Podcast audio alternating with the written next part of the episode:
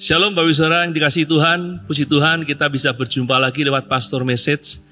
Dan saya berdoa biar firman Tuhan yang kita renungkan bersama-sama hari ini boleh jadi berkat untuk menuntun kita menjalani sepanjang tahun 2024 yang baru kita masuki. Dan untuk itu saya mengajak kita semua untuk merenungkan firman Tuhan dari Mazmur pasal 44 ayat 1 sampai dengan 9 dan saya mengajak kita untuk membacanya bagian per bagian. Mazmur 44 perikopnya berkata jeritan bangsa yang tertindas. Ayat 1 untuk pemimpin biduan dari Bani Korah nyanyian pengajaran. Ayat 2 Ya Allah dengan telinga kami sendiri telah kami dengar nenek moyang kami telah menceritakan kepada kami perbuatan yang telah kau lakukan pada zaman mereka pada zaman purbakala. Engkau sendiri dengan tanganmu telah menghalau bangsa-bangsa tetapi mereka ini kau biarkan bertumbuh. Suku-suku bangsa telah kau celakakan, tetapi mereka ini, nenek moyang bangsa Israel maksudnya, kau biarkan berkembang. Ya, saudara sampai situ dulu. Saudara, nenek moyang bangsa Israel menceritakan kepada anak cucunya turun-temurun, mereka menceritakan bahwa kalau mereka bisa menduduki tanah Kanaan itu semua karena kebaikan dan kemurahan Tuhan.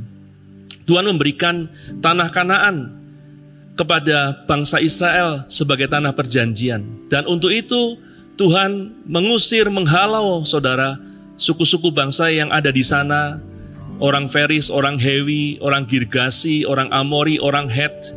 Saudara, mereka dihalau dan tanah itu, tanah kanan diberikan kepada bangsa Israel, saudara. Sehingga bangsa Israel bisa bertumbuh, berkembang, beranak cucu, dan mendiami tanah itu hingga hari ini. Dan karena itu saudara, nenek moyang bangsa Israel menceritakan kepada anak cucunya turun-temurun untuk mengingat bahwa kalau mereka ada bisa ada di tempat itu karena kemurahan Tuhan. Karena itu di ayat 4 sampai 6-nya saudara, di ayat 4 sampai ayat 6 dituliskan begini saudara. Sebab bukan dengan pedang mereka ya nenek moyang bangsa Israel menduduki negeri, bukan lengan mereka yang memberikan mereka kemenangan, melainkan tangan kananmu dan lenganmu dan cahaya wajahmu sebab engkau berkenan kepada mereka. Engkaulah Raja dan Allahku yang memerintahkan kemenangan bagi Yakub. Dengan engkaulah kami menanduk para lawan kami. Dengan namamulah kami menginjak-injak orang-orang yang bangkit menyerang kami.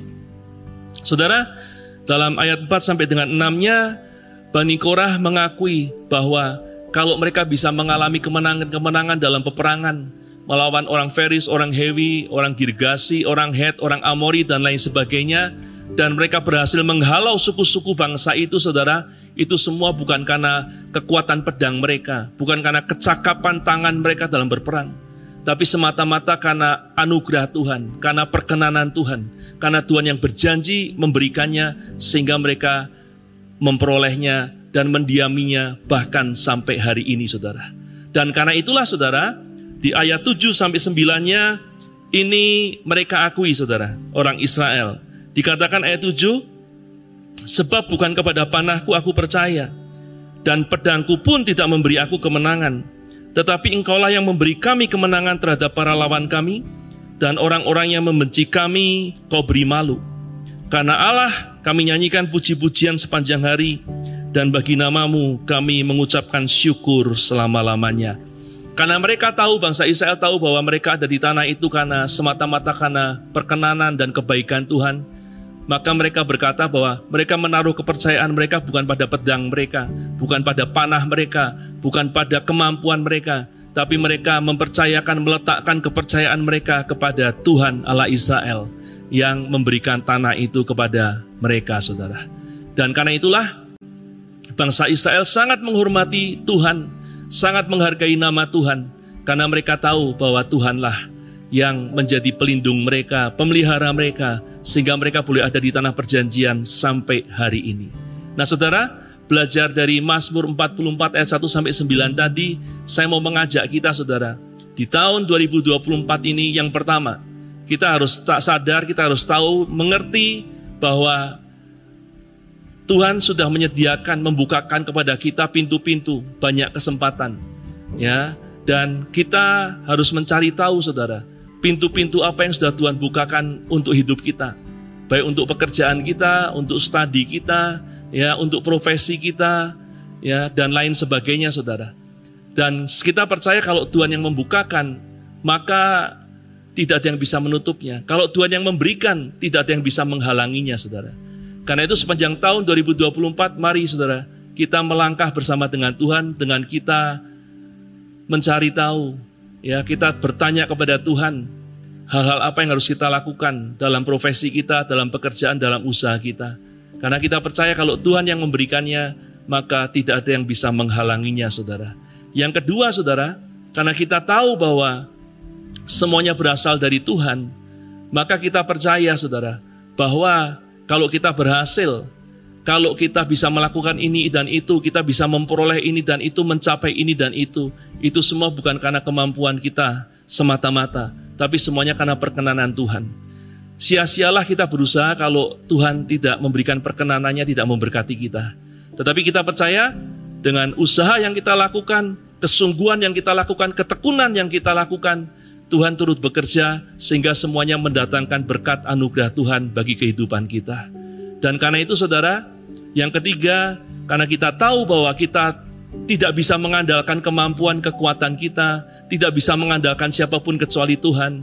Saya mengajak kita tahun 2024, mari kita bersungguh hati kepada Tuhan. Kalau sepanjang tahun-tahun yang lalu kita sudah sungguh-sungguh hati kepada Tuhan, mari tetap lakukan seperti yang kita lakukan selama ini. Bahkan saya mengajak kita untuk melakukannya lebih lagi. Kalau selama ini kita jauh dari Tuhan, saya mengajak kita tahun 2024, mari semakin mendekat kepada Tuhan. Jangan lupakan ibadah, jangan lupakan persekutuan pribadi kita dengan Tuhan. Jangan lupakan kita untuk bersyukur memuji Tuhan dalam hidup kita sepanjang hari, baik di rumah maupun di mana pun kita berada. Karena kita tahu pertolongan kita datang dari Tuhan. Dan saya berdoa, apabila sepanjang tahun 2024 kita melakukan hal ini, maka seperti bangsa Israel yang sampai hari ini tetap ada di tanah perjanjian yang diberikan Tuhan, maka kita juga akan mengalami saudara. Segala sesuatu yang sudah Tuhan bukakan buat kita tetap terbuka. Segala sesuatu yang Tuhan berikan kepada kita, boleh kita dapatkan, boleh kita alami, boleh kita rasakan. Semuanya karena kebaikan dan kemurahan Tuhan. Amin saudara. Dan karena itu, mari saya mengajak kita untuk berdoa supaya sepanjang tahun 2024 kita diberikan keteguhan hati, ketekunan untuk tetap sungguh-sungguh dan dekat dengan Tuhan. Satukan hati dalam doa.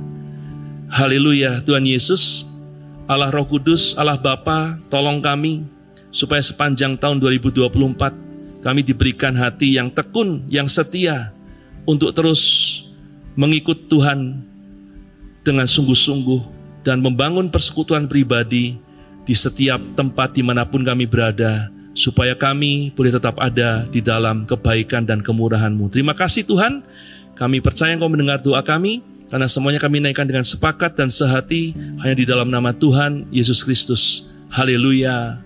Amin. Nah demikianlah saudara, Pastor Message hari ini kiranya jadi berkat buat kita semua. Tuhan memberkati dan shalom.